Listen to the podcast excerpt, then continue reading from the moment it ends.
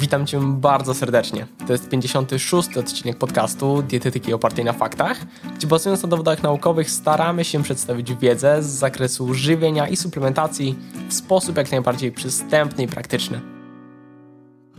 Suplementacja w piłce nożnej to temat w niektórych kręgach kontrowersyjny i dyskusyjny. W końcu suplementów diety na rynku mamy całe mnóstwo, lecz tych faktycznie zasadnych i wartościowych zdecydowanie mniej które substancje mają zastosowanie przy wysiłkach tego typu, kiedy, co i ile warto przyjmować oraz czy to w ogóle bezpieczne. O tym w dzisiejszym odcinku, w którym moim gościem jest Marcin Jackowiak. Zapraszam do materiału. Cześć, witaj Marcin. Cześć. Przedstaw się proszę słuchaczom. E, no więc nazywam się Jackowiak Marcin, jestem dietetykiem, mm, który ukończył 5 lat studiów na tym kierunku, no i obecnie jest to mój zawód, co nie zawsze jest takie oczywiste. E, niektórzy może, mogą kojarzyć mnie z mojej działalności na e, chociażby Instagramie, tam staram się przekazywać jakąś, e, znaczy łatwo dostępną wiedzę, ale tak naprawdę moją największą pasją jest piłka nożna i dlatego też współpracuję z zawodnikami i zawodniczkami tego sportu indywidualnie, no ale też tworzę bloga Żywienie Piłkarzy, a Ostatnio nawet też e, napisałem książkę w tym temacie. Super, bo generalnie ty na Instagramie prowadzisz dwa profile. Jeden o takiej tematyce bardziej ogólnej, natomiast drugi już stricte e, związany właśnie z żywieniem i suplementacją w piłce nożnej. Tak, dokładnie. Jeden jest e, powiedzmy e, dla, dla takich laików, e, tam są łatwo dostępne treści, łatwo przekazywane, no a drugi żywienie piłkarzy, no to już staram się bardziej wiedzę specjalistyczną, ale wciąż dostępną i, i przede wszystkim nie samą teorię, a też praktykę. Super. Bo temat dzisiejszego podcastu to właściwie jest związany z żywieniem i suplementacją piłkarzy, przy czym stricte będziemy rozmawiać o suplementacji, o suplementach, dlatego może na rozgrzewkę od razu takie pytanie, może dość oczywiste, ale jednak mm, czy piłkarze rzeczywiście tak e, w praktyce korzystają z suplementów diety i czy to w ogóle bezpieczne? No tak, e, jakby suplementy są ogólnie coraz bardziej powszechnie stosowane, ale wśród sportowców i też piłkarzy e, no ma to zdecydowanie częściej miejsce. No często zawodnicy łapią się na takich marketingowych e, chwytach, gdzie, gdzie producenci mówią o, nie wiem, o spalaniu tkanki tłuszczowej, o zwiększeniu szybkości, siły, i tak dalej. No jeżeli spojrzymy na raporty, to tak naprawdę sugerują one, że między 43 a 93% e, zawodników piłki nożnej przyjmuje jakąkolwiek formę suplementu. Na przykład na Mistrzostwach Świata e, FIFA było to sprawdzane w 2002 i 2006 roku e, i tam te wartości wyniosły około 40-50%, e, że tyle, tyle drużyn stosuje na tych mistrzostwach suplementy, ale nie brano tutaj pod uwagę żywności sportowej, czyli izotoników, jakichś batonów i tak dalej. Myślę, że jakby to brali pod uwagę, no to też rzędu 90% mogłoby sięgnąć. No ale właśnie, czy w ogóle te ale suplementy... Może jeszcze tak e, zapytam, czyli paradoksalnie amatorzy częściej korzystają z suplementów. E, tak, aczkolwiek e, jakby tutaj te wartości ogólnie e, są e, w raportach badane na raczej profesjonalistach, więc ciężko mi się odnieść do tego, czy amatorzy stosują częściej, e, no ale grałem też na, na niższym poziomie w piłkę i tam powiem Ci, że właśnie nie, nie ma takiej tendencji, żeby stosować jakoś super dużo tych suplementów. No i też właśnie jest to pytanie, czy wliczamy do suplementów tą żywność sportową, czy też nie, no bo jeżeli Ty sobie kupisz przed meczem Powerade'a, to e, czy, czy ja mogę powiedzieć, że e, spożywasz suplement? w jakimś sensie tak, ale nie do końca. Więc jakby uściślając tutaj te takie suplementy, chociażby w postaci witamin czy, czy jakichś multiskładników, no to tutaj na Mistrzostwach Świata wynikło, że to 40-50% drużyn. I, i, I tak e, przechodząc dalej e, do Twojego e, pytania, no te suplementy są powszechnie stosowane, ale po pierwsze, często zawodnicy stosują je nieodpowiednio, a po drugie, no tutaj mamy problem z bezpieczeństwem tych suplementów, bo ja ogólnie uznaję takie trzy główne powody suplementacji. Po pierwsze, to jest korekta mm, jakichś niedoborów e, w diecie. Jeżeli ten niedobór jest zdiagnozowany, na przykład sportowiec ma niedobór żelaza, no to wtedy można zastosować żelazo, oczywiście pod nadzorem lekarza. No drugi taki powód, no to jest dążenie do uzyskania takiej bezpośredniej przewagi na boisku, czyli podczas meczu na przykład stosujemy kofeinę, żeby grać lepiej. I trzecim powodem jest dążenie do uzyskania takiej pośredniej przewagi poprzez maksymalizację możliwości na treningu. Czyli przykładowo e, chcemy lepiej spać, e, bierzemy melatoninę i przez to na treningu jesteśmy wtedy lepiej zregenerowani. E, ogólnie chodzi tutaj o zdrowie. Ale jeżeli chodzi o bezpieczeństwo tych suplementów, no to tutaj mamy problem. To badanie pewnie znasz, to jest jedno z takich bardziej znanych e, badań wykonanych w 2001 i 2002 roku. E, tam w ramach takiego międzynarodowego właśnie badania zebrano 300, 600, 634 suplementy diety zakupione w różnych krajach, to było 13 krajów. No i badanie tam wykazało, że około 15% z nich zawierało sobie takie środki, które WADA, czyli Światowa Organizacja Antydopingowa, mogłaby uznać za zakazane, więc e, no jest to skala duża. Co prawda było to 20 lat temu i to e, dużo się, dużo się zmieniło, e, aczkolwiek no, no tutaj trzeba uważać. I tu chciałem od razu też powiedzieć o takich sytuacjach z życia, z, które, które mogę przytoczyć. Na przykład, jeżeli chodzi o zawodnika Jakuba Wawrzyniaka, który został złapany na, poprzez stosowanie suplementów, wykazano u niego środki niedozwolone. On wtedy suplementował spalacz tłuszczu no i niestety e, przez to stracił e, no, dość duży czas gry w Grecji. Teraz też jest głośna sprawa piłkarzy Pogoni Siedlce, którzy zostali przez Poladę, czyli tą polską agencję antydopingową skazani na 4 lata aż zawieszenia za stosowanie kroplówek, no, do których podobno zmusił ich trener. Także tą sprawę też dla zainteresowanych polecam e, szerzej sobie zobaczyć. E, no i też mamy na przykład sprawę e, Samira Nastriego, czyli e, piłkarza reprezentacji Francji i chociażby Manchesteru City. On też zastosowanie kroplówki został zdyskwalifikowany na długi czas. No, ogólnie on przez to, że wstawił zdjęcie na swoje social media, gdy tą kroplówkę przyjmuje. Także sportowcy czasem nie są w ogóle świadomi tego, że zarówno suplementy, jak i metody są zabronione. No i z tym jest duży problem. E, tu od razu powiem, e, w jaki sposób można z tym walczyć. No ja, jeżeli współpracuję z zawodnikiem, e, no to polecam mu zakupowanie suplementów po pierwsze z linii dla profesjonalistów, różnego rodzaju marki, których tutaj nie chcę podawać, ale mają swoje linie dla profesjonalistów, które są powiedzmy dwa razy droższe, ale są przebadane właśnie pod kątem różnego rodzaju substancji. E, no i druga sprawa, polecam wtedy stosowanie takich monosuplementów, tak zwanych, pojedynczych zamiast mieszanek, bo największe prawdopodobieństwo wpadki na dopingu jest przy stosowaniu właśnie spalaczy, e, różnego rodzaju przytreningówek i tak dalej. Jeżeli stosujemy powiedzmy kreatynę, no to to ryzyko jest bardzo niewielkie. U zawodników amatorskich nie korzystam z tej linii dla profesjonalistów, e, no ze względu na cenę. E, chyba że, że ktoś e, chce. No ale wtedy też nie polecam jakichś szczególnie drogich suplementów, tak jak wspomniana kreatyna. No zwykle nie będzie ona zanieczyszczona, więc, więc tego się nie boję. Trochę długo rozwinąłem ten temat, ale, ale myślę, że odpowiedziałem na to. No zdecydowanie pytanie. wartościowo, bo to są ważne kwestie, o których mówisz, że często tak niekiedy suplementy są stosowane lekką ręką, a warto na to uważać pod względem właśnie bezpieczeństwa, więc zdecydowanie dobrze, że o tym wspomniałeś. E, natomiast już przechodząc tak stricte do suplementów, to tam e, wspomniałeś już e, w pewnym stopniu podzieliłeś suplementy, natomiast czy mógłbyś tak jeszcze raz przetoczyć ten podział, mm, jaki ty stosujesz i ewentualnie mm. omówić jeden z nich, na przykład właśnie wspomniałeś tam o suplementach działających pośrednio, tak? Tak. Mamy takie trzy kategorie suplementów.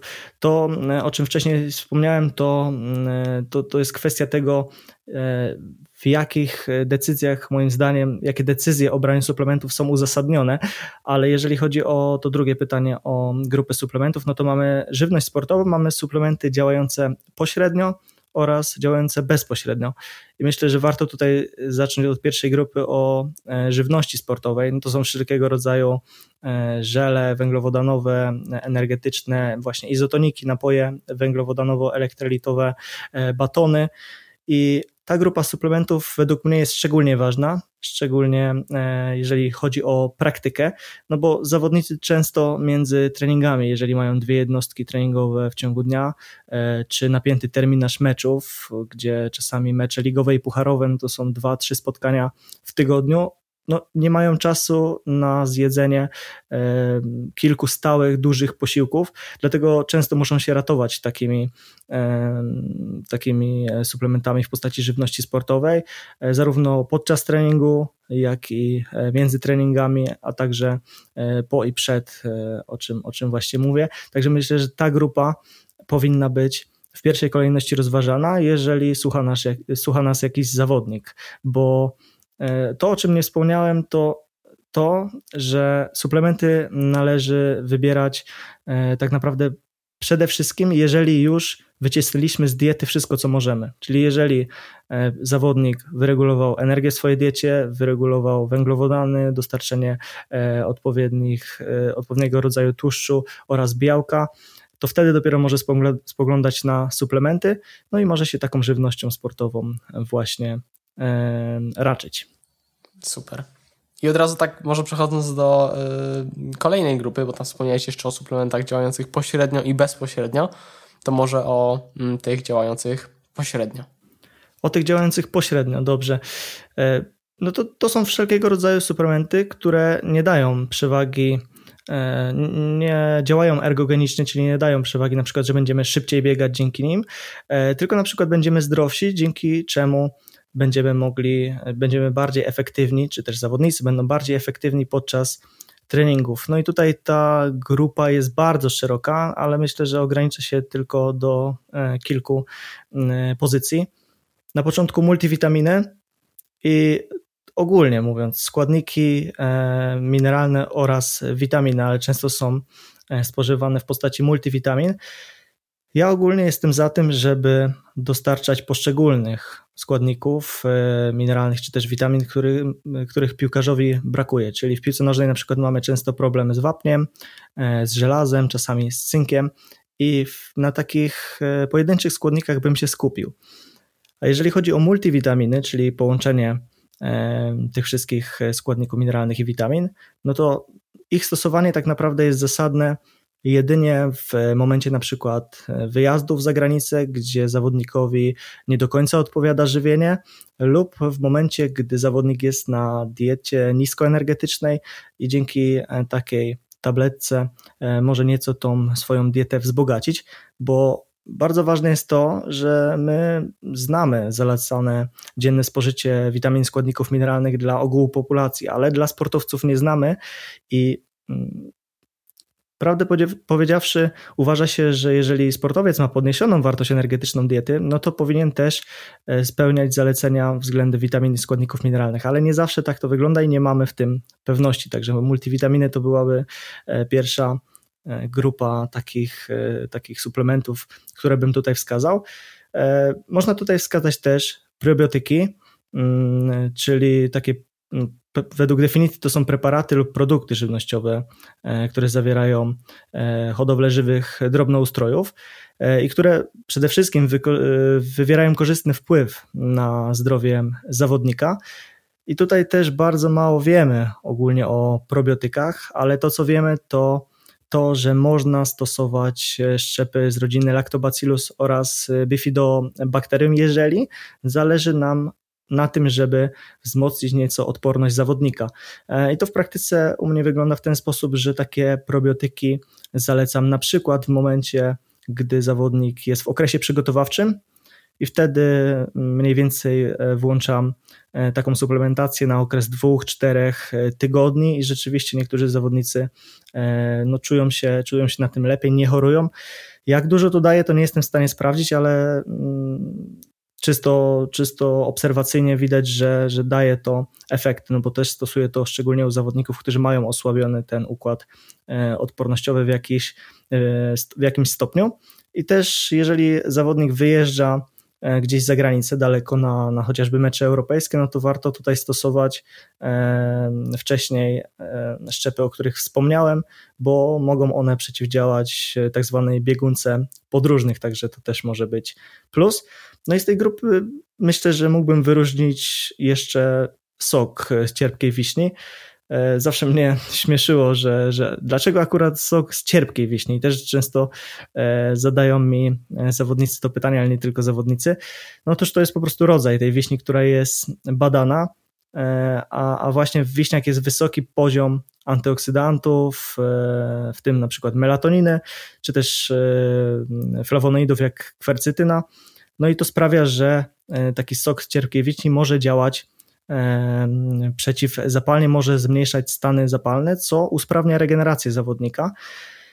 Mm, pod kątem praktycznym zwykle taki sok z cierpkiej wiśni stosuje o dziwo nie w okresie przygotowawczym, bo wtedy stosowanie takich antyoksydantów może zmniejszać adaptację e, do treningu, e, ale stosuje go w okresie napiętego terminarza, czyli jeżeli zawodnik ma kilka meczy w tygodniu, to wtedy e, taką porcję 30, 30 ml koncentratu można, można włączyć.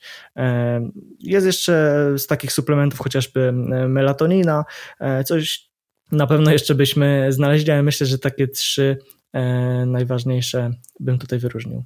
Super. Fajnie, że wspomniałeś o praktyce mm, jak zalecasz suplementację, to było zdecydowanie wartościowe.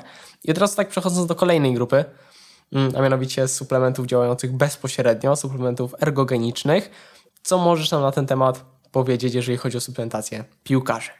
Tak, y, tutaj wymienia się mm, takie bardzo znane, które na pewno e, już były omawiane w Twoim podcaście suplementy, czyli kreatyna, beta-alanina, e, wymienia się też kofeinę, czy po prostu e, azotanę i pokrótce omówię w takim razie każdy z tych suplementów.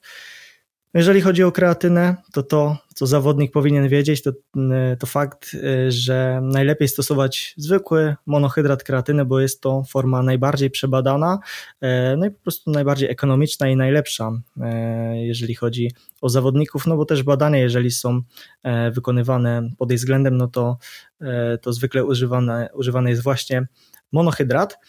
I można tą kreatynę stosować na dwa sposoby albo w e, takiej formie ładowania tak zwanej, czyli dawkę około 10-20 gramów dziennie przez 7 dni e, i następnie stosować dawkę podtrzymującą około 5 gramów, albo można stosować ją w formie stałej, czyli 5 gramów dziennie przynajmniej przez 30 dni i obydwie te metody prowadzą do wysycenia mięśni właśnie kreatyną i skutkach pozytywnych, takich jak zwiększenie wytrzymałości, e, zwiększenie siły, mocy mięśni. Zawodnik jest w stanie wykonywać e, więcej sprintów w tym samym okresie czasu po suplementacji kreatyną, no bo ona odnawia ATP przy takich krótkotrwałych, intensywnych wysiłkach, także to jest zdecydowanie najlepszy suplement, jaki mogę polecić piłkarzom. Myślę, że pod względem praktycznym warto, żebym podkreślił, że tą fazę ładowania polecam tak naprawdę w dwóch, e, w dwóch przypadkach. Pierwszy to jest taki, gdy zawodnik dozna kontuzji, to wtedy warto od razu e, zacząć suplementację kreatyną w dużych dawkach. Ona nie ma aż tak mocnej literatury pod tym względem. Głównie mówi się o jej mm, benefitach stosowania jej w momencie e, fazy rehabilitacji po kontuzji, ale tak naprawdę jeżeli my w momencie kontuzji zaczniemy ją suplementować, to po 7 dniach już ten poziom będzie wysoki e, w komórkach mięśniowych i wtedy już fazę rehabilitacji będziemy mogli zacząć z pełnym magazynem kreatyny. I drugim takim momentem jest stosowanie tej e, kreatyny w momencie fazy przedsezonowej, przygotowania do sezonu u zawodników, którzy w sezonie mogą, mm, że tak powiem, stracić nieco na zwinności, e, jeżeli chodzi o e, stosowanie kreatyny, no bo kreatyna zwiększa masę ciała w większości przypadków o 1-1,5 kg i zawodnicy, którzy są bardziej zwinni, mogą e, to, troszeczkę tej zwinności e, stracić i e, u takich zawodników jak chociażby szybcy skrzydłowi czy wahadłowi to stosowanie kreatyny zwykle polecam raczej tylko w okresie przygotowawczym. Także, także myślę, że na tym bym się zamknął, jeżeli chodzi o kreatynę. Kolejnym, kolejnym suplementem zastanawiam się, który teraz wybrać. Niech będzie beta-alanina. No więc beta-alanina razem z histydyną tworzą e, taki mm, dipeptyd, dwupeptyd, e, który nazywa się karnozyna, a ona jest odpowiedzialna za regulację pH e, w komórkach mięśniowych. I zawodnik podczas wykonywania wysiłku no jego pH w mięśniach się obniża i może to doprowadzić do momentu, w którym będzie upośledzona ta aktywność fizyczna. No i dzięki suplementacji tej beta-alaniny E, to pH jest wyregulowane i zawodnik może jakby, zwiększa się jego wydolność, ogólnie wytrzymałość. E, także, także mm, suplementacja beta-alaniną działa pod tym kątem. To, co zawodnik powinien wiedzieć, no to przede wszystkim to, że beta-alanina nie działa doraźnie. Beta-alanina wywołuje mm, takie mrowienie, to się nazywa parastazja.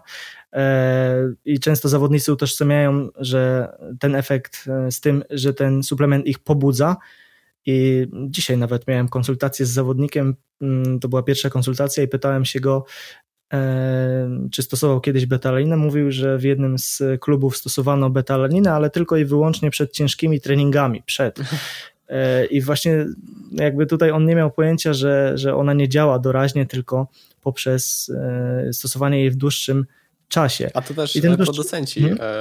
suplementów wykorzystują właśnie przez dodatek beta-alainy, mimo że taka, wiesz, jednorazowa podaż za dużo nie da, to mimo wszystko właśnie ten efekt parestezji, mrowienia często niektórych pobudza, czy też w ogóle daje efekt, że suplement działa, daje takie właśnie wrażenie e, konsumenta. Tak, tak. Dokładnie, no jakby ja sam w momencie jak brałem mm, betalaninę, to zwykle brałem ją przed treningami, bo jakby ten efekt mnie jeszcze bardziej pobudzał, jakby mówiąc e, w cudzysłowie, e, że mnie pobudzał, no bo po prostu dawał mi takie, takie wrażenie, mimo że ja wiedziałem, że to nie działa, no to, to, to swędzenie mnie napędzało, a często zawodnicy też tego swędzenia e, nie lubią po prostu, więc jak, jak gdzieś tam zalecam betalaninę, to, to często ciężej ich przekonać, no ale jak gdzieś podaję, co mogą dzięki temu zyskać, e, no to, to zawsze się przekonują. I tutaj no, chciałbym tylko podkreślić, że, że trzeba ją przynajmniej przez 3-4 tygodnie w dawce od 3 do 6 gramów suplementować.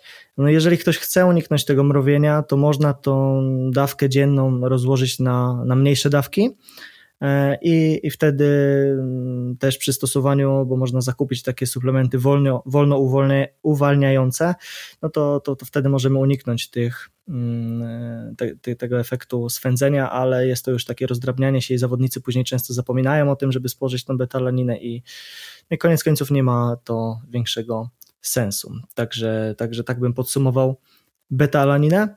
E, I od razu przechodząc do, e, do suplementu, który przydałby mi się teraz, bo jako, że nagrywamy dość późno już ten e, podcast, to, to mówię o kofeinie. No i przede wszystkim jest znana z jej pobudzającego działania, mm, które towarzyszy, towarzyszy wypijaniu po prostu kawy czy też herbaty. No ale mm, część osób nie wie, że ma ona też działanie ergogeniczne, czyli mm, powiedzmy zwiększające wydolność. E, dzięki spożyciu e, tej kofeiny w odpowiednich dawkach e, na piłkarzach zauważono, że zwiększa się skupienie, podejmują oni lepsze decyzje na boisku, zwiększa się też wydajność sprintów, no i takie czysto techniczne piłkarskie umiejętności jak celność podań czy też strzałów. Także kofeina jest jednym z pierwszych suplementów, które zalecam.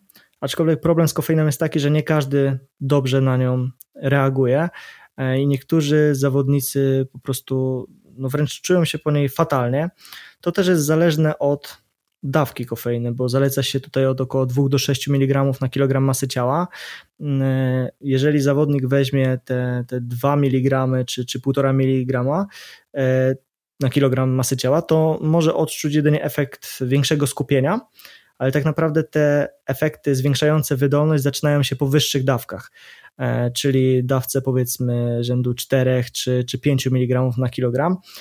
No i często zawodnicy nie wytrzymują takich dawek, że, że tak powiem. Pojawia się u nich efekt wręcz odwrotny, drżenia, niepokoju i zwykle po zwiększaniu takiej dawki oni już nie chcą stosować kofeiny. Więc ja myślę, że takim z praktycznego punktu widzenia bezpiecznym suplementem kofeiny jest coraz bardziej powszechna w środowisku piłkarskim guma kofeinowa. I zwykle zalecam spożycie takiej gumy zawodnikom e, po zejściu z rozgrzewki do szatni. Wtedy zaczynają rzuć tą gumę i w momencie, gdy wchodzą na boisko już przebrani i przygotowani, wypluwają tę gumę. Kofeina z takiej gumy dość szybko się uwalnia, także oni są już gotowi do meczu, no tylko tutaj trzeba przestrzec, żeby tą gumę zdążyli wypluć, bo, bo, no bo istnieje ryzyko, że, że zawodnik się zadławi. Jeżeli ktoś nie lubi jakichś wysokich dawek e, tej kofeiny z tabletek syntetycznych, no to może sobie spożyć po prostu przed meczem espresso i to też fajnie działa, chociaż czasami jeżeli zawodnik bardzo stresuje się mm, e, wejściem na mecz, i, i co często się zdarza przy ważnych meczach, ma problemy ze strony układu pokarmowego, to takie espresso widocznie, znaczy dla zawodników widocznie pogarsza e, sytuację, e, więc o tym też trzeba pamiętać. No i myślę, że mogę przejść do ostatniej grupy, czyli azotanów. No jest to też składnik goszczący coraz częściej na talerzach zawodników. A propos, teraz odwołam się znów do konsultacji, którą dzisiaj prowadziłem, bo, bo zawodnik zgłosił się do mnie z problemami ze strony układu pokarmowego i gdy prześledziłem e, jego dietę, okazało się, że no, gdzieś usłyszał, że buraki no to, to jest e, niesamowicie e, odżywczy składnik diety i on codziennie tych buraków jadł bardzo dużo, pił soki z buraka i tak dalej. No niestety, co już zauważyłem u niego, te buraki działały odwrotnie, no bo, bo jest to produkt bogaty w FODMAP, e, czyli, czyli takie węglowodany, które łatwo fermentują i przez to e, część zawodników źle je trawi i ma problemy z układem pokarmowym. Ale jeżeli dobrze się toleruje takie produkty jak właśnie burak czy też rukola, no to warto je spożywać, ponieważ są one źródłem wspomnianych azotanów, a azotany ich dostarczanie w różnych formach e, jest odpowiedzialny za późniejszą produkcję tlenku azotu, a tlenek azotu rozszerza nasze e, naczynia krwionośne, obniża ciśnienie, pozwala też na lepszy dowóz substancji odżywczych do mięśni, także mm, jest to produkt e, bardzo polecany przy wysiłku piłkarskim. No i z takich celów z takich e, strategii mm, bardziej praktycznych stosowania, no to ja zwykle przed e, bardzo ważnym meczem, jeżeli zawodnik dobrze toleruje mm, sok z buraka i lubi też ten smak, to zalecam zwiększenie ich spożycia na około 3 dni przed e, w ilości około 500 ml e, soku z buraka na śniadanie oraz na kolację. No i jeszcze na 3 godziny przed e, docelowym meczem spożycie szota z buraka i te połączenie takich dwóch metod powinno dać najlepsze skutki. Także jak najbardziej bym polecia, polecał. I coś, przed czym jeszcze muszę, dwie rzeczy, przed którymi muszę przestrzec, przestrzec to to, że zawodnicy e, często boją się po spożyciu buraka, że zmienia się ich kolor, kolor, ich moczu i podejrzewają, mm, że po takim szocie z buraka coś jest nie tak, że e, wydalają po prostu z moczem, wraz z moczem krew, no to już tutaj od razu mówię, że to jest po prostu działanie buraka, którego, które nie jest w żaden sposób szkodliwe, ale czasami w praktyce dietetyka może za jakby zakłócić sprawdzanie nawodnienia zawodnika, bo często sprawdza się poprzez kolor moczu, więc to też dla dietetyków, żeby zawsze zapytali się zawodnika, czy przypadkiem nie spożył e, takiego e, płynu, czy też e, szota. No i druga rzecz, jeżeli spożywa się azotany, chociażby ten wspomniany koncentrat w formie szotu z buraka, no to wtedy trzeba pamiętać, żeby nie rzuć gumy, bo, bo E, no po prostu te azotany są jakby unieczynniane, także jeżeli zdecydujemy się na shota przed meczem, to wtedy już przez te trzy godziny gumy nie żujemy, a jak wiadomo lub nie, no zawodnicy bardzo e, lubią, większość z nich rzuć gumę, jakby to w jakiś sposób odstresowuje.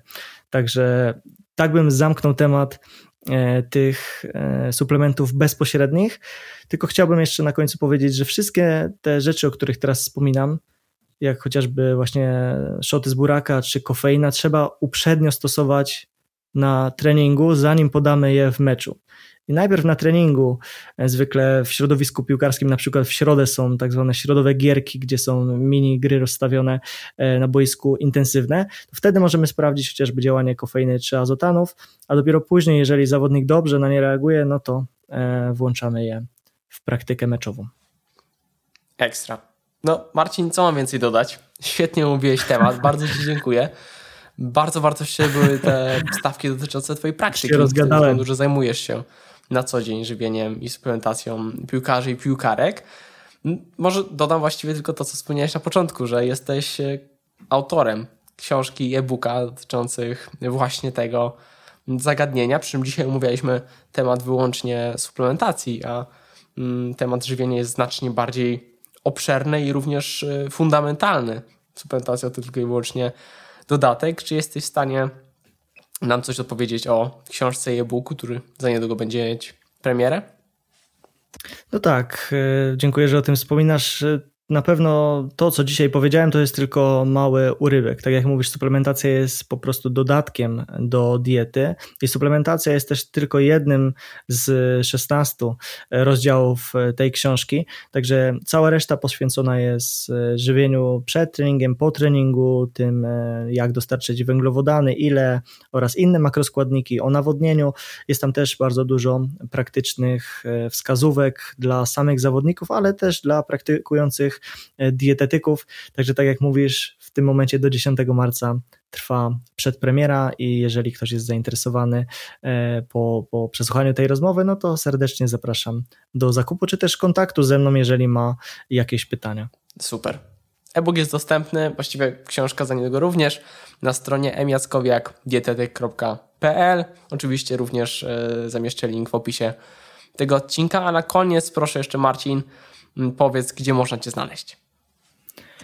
E, tak więc można mnie znaleźć na, e, poprzez bloga żywieniepiłkarzy.pl i stronę e, emiackowiakdietetyk.pl, ale przede wszystkim najłatwiejszy kontakt jest na moim Instagramie emiackowiak podłoga nutrition oraz na Instagramie żywienie piłkarzy i tam jeżeli ktoś ma więcej pytań to serdecznie odsyłam. Super. Dziękuję Ci bardzo i mam nadzieję, że do zobaczenia, do usłyszenia już niebawem. Hej. Bardzo dziękuję za zaproszenie i za rozmowę, chociaż to ja głównie gadałem i się rozgadałem. No mam nadzieję, że, że nie zamęczyłem, e, ale od razu tutaj też powiem, nie, że. Bardzo, bardzo, e, bardzo wartościowy Twój monolog. Tak jest. Od razu, od razu też tutaj e, zaproszę na monolog, który na moim podcaście Dietetyczny Podcast e, dał Radosław jako odwdzięczenie się. E, także jeszcze raz dziękuję za zaproszenie i do usłyszenia. Do usłyszenia.